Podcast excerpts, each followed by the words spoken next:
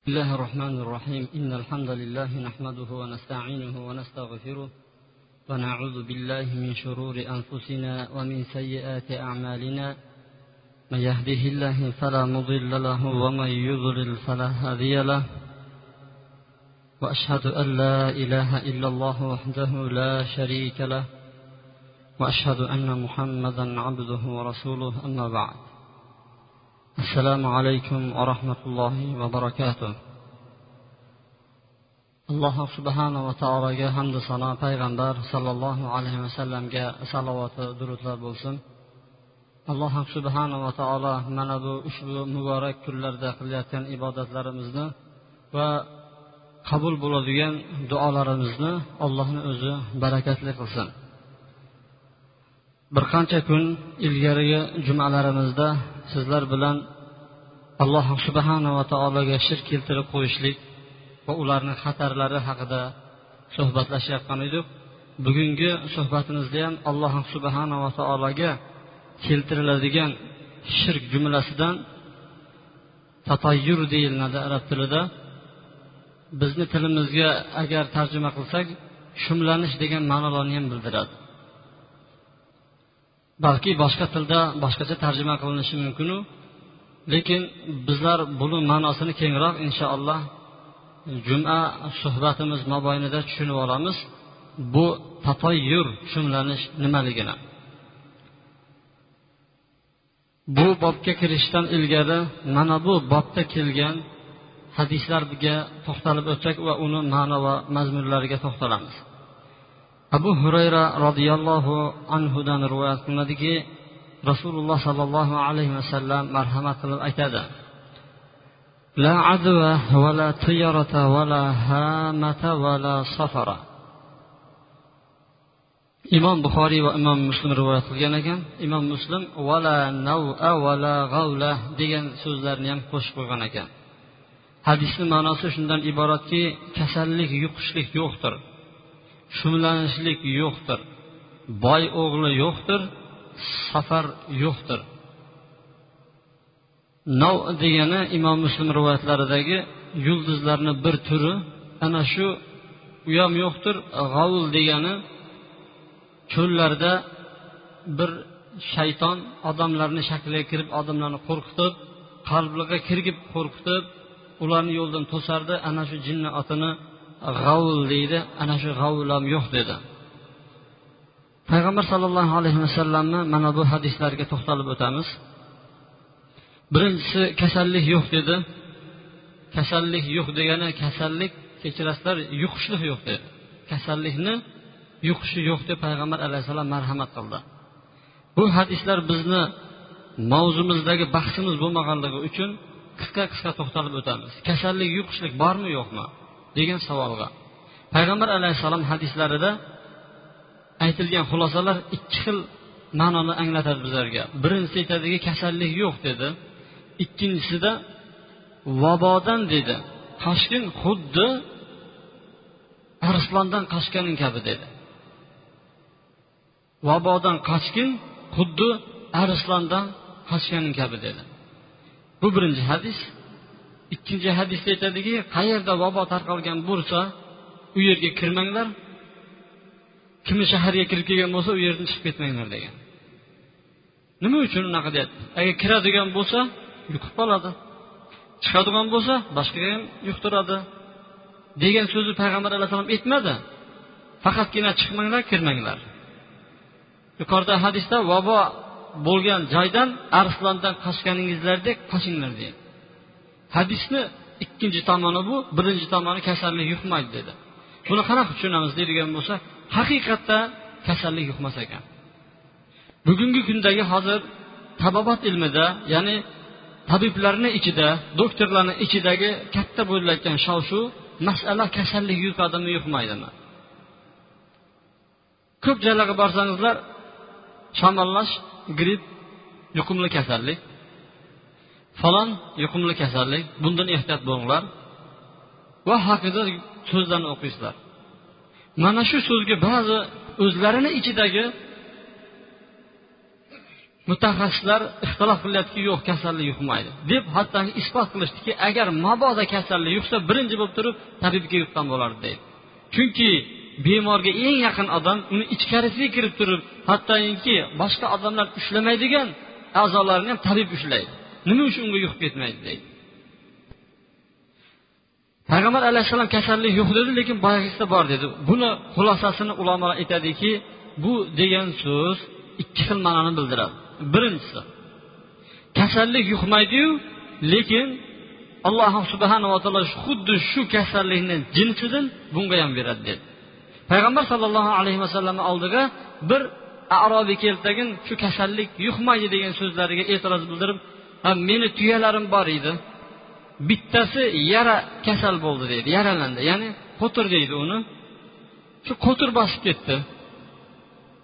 Keyin boshqalarga ham o'tib ketdiyu bu siz kasallik yuqmaydi deb aytasiz deganda payg'ambar sollallohu alayhi vasallam birinchisini kim yara qildi dedi olloh dedi boshqalarga ham alloh subhanaa taolo shu kasallikni berdi dedi buni misolini aytadiki ya'ni diniy olimlar tushuntiradiki masalan bir joyga yomg'ir yog'ayotgan bo'lsa yomg'ir sachragan bunga tegmaydi. Unga ham boshqa yomg'ir tushadi. Buni usti ho'l bo'lganligi sabab buni usti ho'l bo'lganligi uchun emas. Bunga yomg'ir yoqqanligi uchun ho'l bo'ldiyu keyin bunda sachrab bunga ho'l bo'ldi deyilmaydi tagin yomg'ir unga ham tushdi bunga ham tushdi deyiladi. Ya'ni bir makonda turgani uchun. Alloh subhanava taolo odamlarni ustiga har xil kasalliklarni yuboradi gunohlari sababli. Ba'zi bo'lgan ishlar sababli ana shunda musibat yubordi. Bir joyga taun deydi taun deydimi shu vabo kasalini yubordi. Yana boshqa boshqa bir gripp kasalini yubordi. Yuborgan paytda ikkinchi odamga ham nimadir tushishi mumkin u narsa. Bu narsani kasallik yuqdi deyilmaydi. Alloh subhanava taolo u kishiga bergan narsasini bu kishiga ham berildi degan e'tiqodimizda biz bo'lishimiz kerak. Ha unda payg'ambar alayhissalom nima uchun vabo kirgan joyga nimadir kirmanglar deb aytdi. Demak yuqadiganligi uchun aytdi deyiladigan bo'lsa yo'q. Bir odamni e'tiqodi buzilib qolmasligi uchun payg'ambar alayhissalom aytdi. Qandoq buziladi e'tiqodi? Ana ko'rdim manga kasallik yuqdi payg'ambaringizlar aytgan edi yuqmaydi deb aytgan edi degan noto'g'ri tushuncha paydo bo'lib qolmasligi uchun payg'ambar alayhissalom u yerga kirmanglar deydi. Ya'ni uni e'tiqodi kasallik yuqmaydi degan e'tiqodi buzilib qolmasligi uchun payg'ambar alayhissalom u yerga kirmanglar deydi. Demak xulosani tushundik. Yana bir uyda gripp tarqalgan bo'lsa o'nta shaxs bo'lsa oila a'zolari to'rttasi bo'lmasligi mumkin. Qan kasallik yuqsa yuqayotganligi shuning uchun kasallik yuqadi degan e'tiqod aslida din tushunchasi bilan mumkin emas. Alloh subhanava taolo u kishiga berayotgan narsasini bu kishiga ham beryapti deb e'tiqod qilishimiz kerak. Hadisdagi kasallik yuqmaydi deganni ma'nosi shu. Dedi bugungi jumadagi suhbatimizni asosiy to'xtaladigan joyimiz mana shu yer vala tiyorata shumlanishlik yo'q dedi. Shumlanishlik nimadir? Arab tilida tiyara kalimasi tayrun degan so'zdan chiqqan qush ma'noni bildiradi. Qush ma'nosini anglatadi. Arablarda shu sohibi tiyara deydi mana shu shumlanishi bilan shug'ullanadigan xos odamlar bor edi. Bir odam safar qilmoqchi. Borardidagi shu man safar qilmoqchiman shu safarim man uchun manfaatlimi ya'ni ishim o'ngidan keladimi shuni manga bilib bering desa qushni olib chiqarib tag'in osmonga uchirardi. O'ng tomonga qarab uchadigan bo'lsa yaxshilik ekan boravering chap tomonga qarab uchib ketadigan bo'lsa yo'q bu chap tomonga uchib ketdi. Chap tomon gumon qilinadigan tomon hisoblanadi. Safaringizni to'xtab turing. Oldiga uchib ketadigan bo'lsa ixtiyor o'zingizda. Orqa qaytsa ishlangiz orqaga qaytib ketar ekan to'xtab turing degan so'z bor edi. Mana shu shumlanishlik deyiladi. Shumlanishlik degani yana bitta ma'nosi biron bir ishdan ikkilanishlik. Shumlanishlik birodarlar ulamolarimiz uchga bo'linadiki eshitiladigan ko'riladigan va ma'lum ba'zi narsalarda shubhalanishlik shumlanishlik bo'lar ekan masalan ko'riladigan narsalarga ham misol judayam ko'p. Bir odam uyidan bir yangi bir ishni boshlamoqchi bo'lib chiqdi. Yangi bir ishga kirgan edi shuni boshlamoqchi shunda chiqqan edi. Oldidan bir xunuk bir narsani chiqib qoldi shunda chiqishi bilan masalan bir eshak hangrab oldi oldida turib turib. E bugun bo'lmaydigan bo'ldi bu. Bir baxtsiz narsa oldimdan chiqdi man bugun boshlamay qo'ya qolay deb qaytib ketadigan odamlar bor. Yoki bo'lmasa bozorda shundoq do'konini ochgandan keyin bitta ko'zi ko'r kishi kirib keladigan bo'lsa bugungi kunim endi judayam yaxshi bo'lmaydigan bo'ldida ko'r kishi keldi bir baxtsiz odam kelib qoldi. Deydidagi ko'rinishlik mana shunaqa bo'ladi. Yoki bo'lmasa e'tibor bergan bo'lsangizlar ko'pchiligingizga ma'lum bo'lgan ish erkak kishi birinchi narsani sotib oladigan bo'lsa eh, judayam yaxshi bo'libdi erkak kishi birinchi sotib oldi qo'lingiz yengilmi? Yengil qo'lim deb qo'yadi hech kim. Meni qo'lim judayam og'ir bekor mandan deb hech kim aytmaydi u narsani. Qo'lingiz yengilmi yengil? Shu bilan nima ko'rilgan odamni shubhalanib ketadi. Bir qara chol keladigan bo'lsa qara kampirlar keladigan bo'lsa yuzlariga ajin tushgan endi savdomiz oxirigacha shunaqa ajin bo'ladigan bo'ldi kechgacha deb turib hattoki ba'zi bir mamlakatlarda birinchi shunaqa odam savdo qiladigan bo'lsa do'konni olib ketib qolar ekan bugun foyda bo'lmaydi deb. Bu ko'riladigan eshitiladigan narsalardan eshitiladigan narsalardan mana bu hadisimiz ikkinchi qismida keladiki vala uchinchi qismida vala hamata boy o'g'li yo'q dedi. Boy o'g'li yo'q degani ba'zi bir uylarga boy qush boy o'g'li va shu turidagi qushlar masalan uki ham shu turiga kiradi. Bir odamni uyiga kelib turib agar sayraydigan bo'lsa ovoz chiqaradigan bo'lsa bu uyga yaqinda ofat keladi. Uchirib yuborlaring deydi. Yoki bo'lmasa bir odam o'lay deyapti o'limi yaqin ekan deydi uchirib yuboradi de nima qiladi shundan aytadiki bu qush o'lim olib keladigan qush. Bu qushni yaxshiligi yo'q. Tezroq uchirib yuboringlar deb turib nima qiladi uni ovozidan shumlanishadi. Ba'zi odamlar vaqtlardan ham nima qilar ekan shumlanishar ekanki bu vaqtlar masalan hafta kunlarini ichida shu charshanba kuni yaxshi kun emas baxtsiz kun dergan chorshanba kuni biron bir ish qiladigan bo'lsa ish to'g'ri kelib qoladigan bo'lsa to'xtatibda shunda qilmay turishadi. Bu kun baxtsiz kun. Bunda yaxshilik yo'qdir deydi. Ba'zilar oylarda oyda masalan shavvol oyida kimni to'yi bo'ladigan bo'lsa bu baxtli inson bo'ladi deyishadi oysha roziyallohu anhoni nikohlari shavvol oyida bo'ldi. Eng payg'ambar alayhissalomni nimadir baxtli ayollaridan hisoblanadi. Ba'zilar vaqtdan ya'ni yigirma birdagi soatdan ikkilanadiki chunki falon bir yulduz falon bir joyga o'tgan paytda shu paytda qilingan ishlar baxtsiz bo'ladi deydi. Ya'ni kechqurungi to'qqizda qilingan ishlar bu baxt olib kelmaydigan ishlar bo'ladi deydidagi shubhalanadi. Ba'zi odamlarni shumlari nimadan bo'ladi? Sonlardan ham bo'ladi. Sonlar bilan shubhalanadiki o'n esa man buni olmayman deydi. Ha nega bu baxtsiz son bu baxtsiz nimadir baxt keltirmaydi bu narsa deydi agar shunda siz yetti yuz yetmish yettini chiqarib bersangiz ha mana bu endi endi o'zingizga keldingiz deydi. Bu baxtli son deydi. Endi mana baxtimizni topadigan bo'ldik deydidagi yaxshiliklarni sonlarni qo'liga berib qo'yadi. Mana u rossiyalarga borib ko'radigan bo'lsangizlar mehmonxonalarga kiriladigan bo'lsa sonni raqamlari bor mehmonxonalar. O'n o'n bir o'n ikki o'n yo'qda o'n to'rtga o'tib ketaveradi.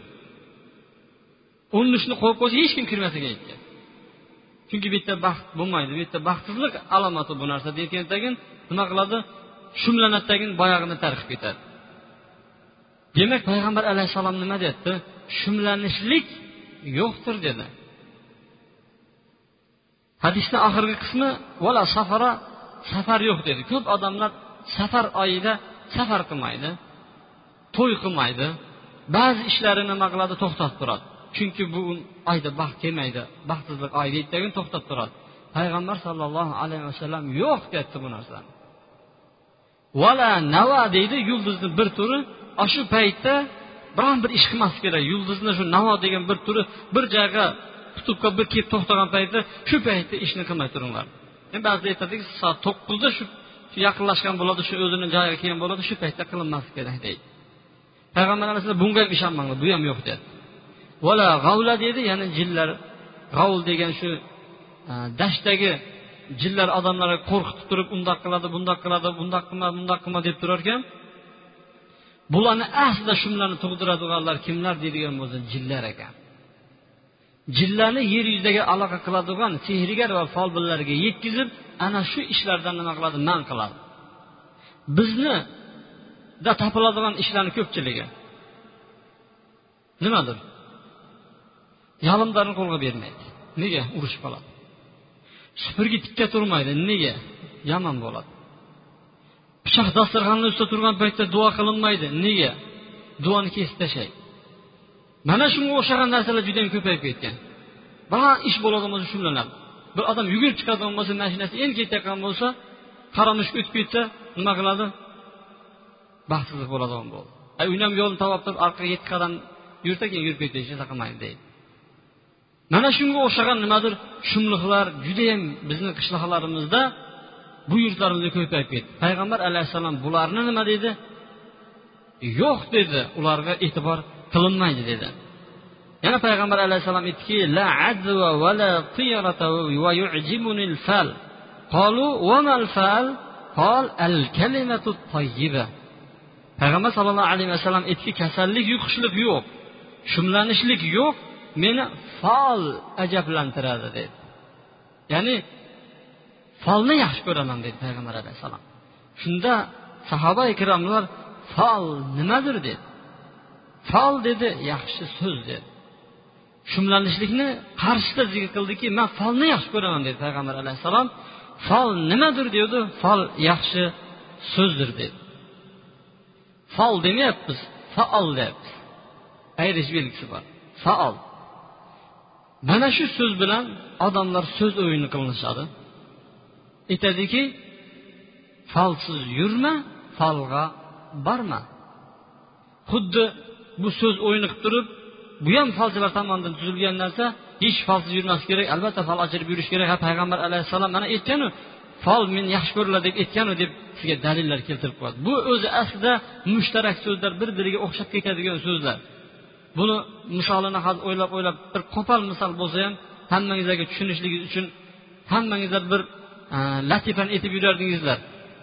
Bir qozoq bilan o'ris urushda nimadir? Ja do'stlashib qolibdi tag'in qiyomat do'st bir birini ajralmaydigan bo'lib turib shu bilan nemislar bostirib quvib bittasi qamishni ichiga kirib ketdi ikkinchisi suvni ichiga kirib ketdi. Shu bilan nemislar bostirib boyagi nimadir? Qamishni ichiga qazaq turgan joyga ketayotgan bo'lsa endi man shunga bir yaxshilik qilay debdidagi o'g'risi aytibdiki nima debdi? O suvda suvda debdi. Desa qazaq aytdi debdi meni aldadi debdi. Qamishni ichida qamish ichida deb baqirar ekanda suvda degan buyoqda degani. U suvda desa ham bo'ladi uni. O'zi aslida lafzi bittayu lekin ikki xil ma'noni bildiradi. Mana bu so'zdagi folsiz yurma folga ishonma degan so'zni ma'nosi ham xuddi shunaqa. Bizani tilimizdagi ko'proq biladigan fol deganimiz payg'ambar alayhissalom aytgan man ata kahinan arrofan fasaddaqahu bima yaqul faqat kafara bima unzila ala muhammadin sallallohu alayhi vasallam kimki folchiga borsa va u aytgan so'zni tasdiq qilsa muhammad alayhissalomga nozil bo'lgan narsaga kofir bo'ladi degan edi. Demak folga borayotgan odamlar bilib olsin o'zini otini. Ularni oti kofir endi folsiz yurma degani payg'ambar alayhissalom mana hadisda aytgan bitta ayrish belgisi bor faol deydi. Uni sahobalar tushunmasin. Ya rasululloh va fol faol deganingiz nima deganida al kalimatu tayyiba. Yaxshi so'z deydi. Yaxshi so'z qandaqdir man bugun bir tush ko'rdim. Ha nima ko'rdingiz? Ikkita katta uzun qulog'i bor odam keldida manga qarab baqirdi. Desa ay nima qilibdi baqirsa baqiraveradida hech narsa qilmaydi. Qo'rqmang deb turib yaxshi so'z aytib qo'yishlar yoki bo'lmasa mana yalimdan qo'lga bermaydi. Desa hech narsa qilmaydi bu yalimdari nimadir? Unda bir birimizga мороженое bersak yaxshi bo'larkanmi do'stlashib ketamizmi? Shirin narsa berib turib ular yo'q deb turib yaxshi so'zni aytib qo'yishlar meni yoqtiradi dedi yana bir odam boyagi narsani eshitib qolgan paytda bir odam ikkilanib qolgan paytda ikkinchi odam aytdiki e bu hech narsa qilmaydi. Deyishlik bu faol hisoblanadi.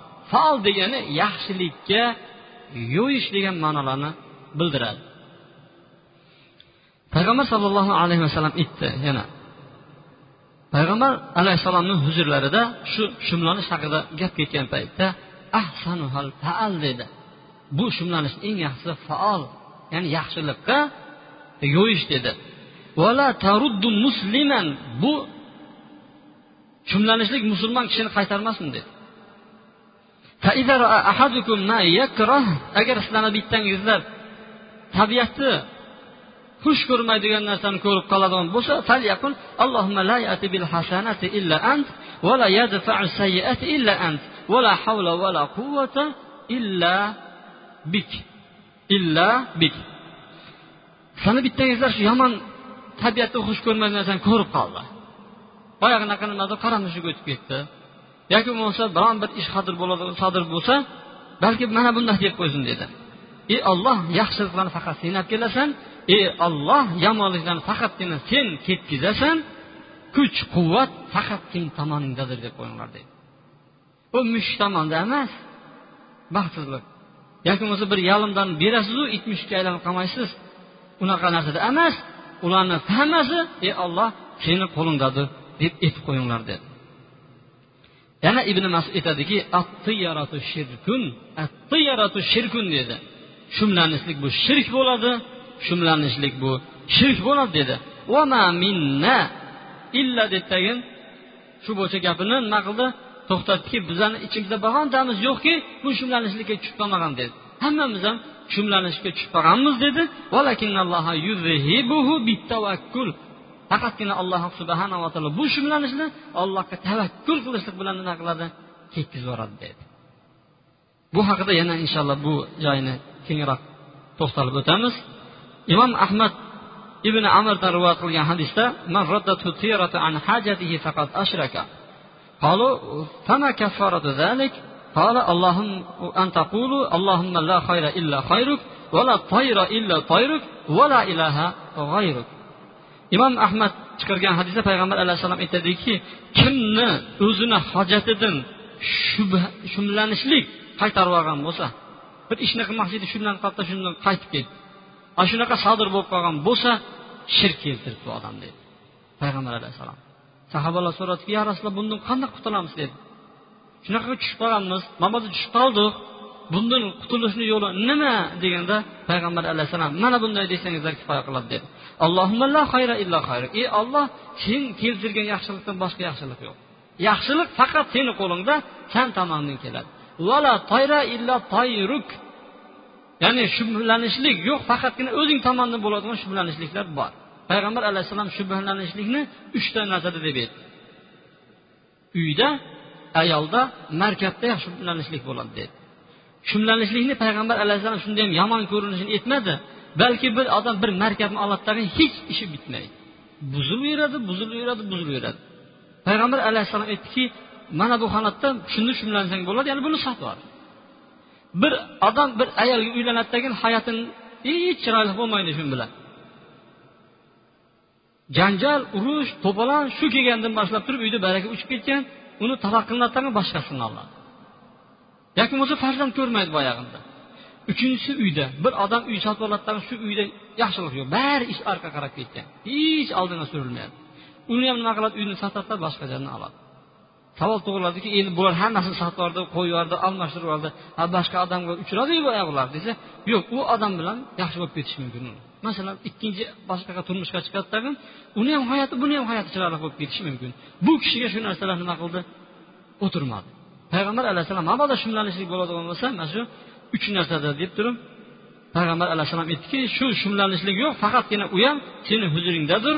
Vala ilaha g'ayrik sandan boshqa iloh yo'qdir deb aytinglar deb aytdi demak bir odam shumlanib qoladigan bo'lsa mana shu duoni o'qiydi allohimma la xayra illa xayruk va la toyra illa toyruk va la ilaha g'ayruk إن الحمد لله نحمده ونستعينه ونستغفره ونعوذ بالله من شرور أنفسنا ومن سيئات أعمالنا من يهده الله فلا مضل له ومن يضلل فلا هادي له واشهد ان لا اله الا الله وحده لا شريك له واشهد ان محمدا عبده ورسوله اما بعد. bugungi suhbatimizga mutobiq keladigan payg'ambar sollallohu alayhi vasallamning bir hadislari bilan tanishib chiqamiz payg'ambar sollallohu alayhi vasallam bir kuni chiqdilar sahobalar jamlanib turgan edi shunda payg'ambar alayhissalom aytdiki manga ummatlar ko'rsatildi shunday bir payg'ambarlarni ko'rdim. Uni yonida shu rahat deydi uchdan to'qqizgacha bo'lgan bir jamoat. Shuncha yonida ummati bor edi. Yana shunday bir payg'ambarlarni ko'rdim. Yonida ikkita bitta odam. Yana shunday bir payg'ambarlar ko'rsatildiki menga yonida bitta ham ummati yo'q. Ollohni yo'liga da'vat qilgani hech kim quloq solgan emas. Payg'ambar bo'lgani bitta odam orqasidan ergashgan emas. Iymon keltirgan emas bitta o'zi qolib ketgan. Keyin katta bir qora ko'rsatildi. Bu meni ummatim ekan deb gumon qilsam bu muso va uni qavmi dedi. Keyin undan ham kattaroq bir qora ko'rsatildiki mana bu sizni ummatingiz dedi. Keyin yana aytildiki ularni ichida yetmish ming kishi borki yetmish ming kishi bor.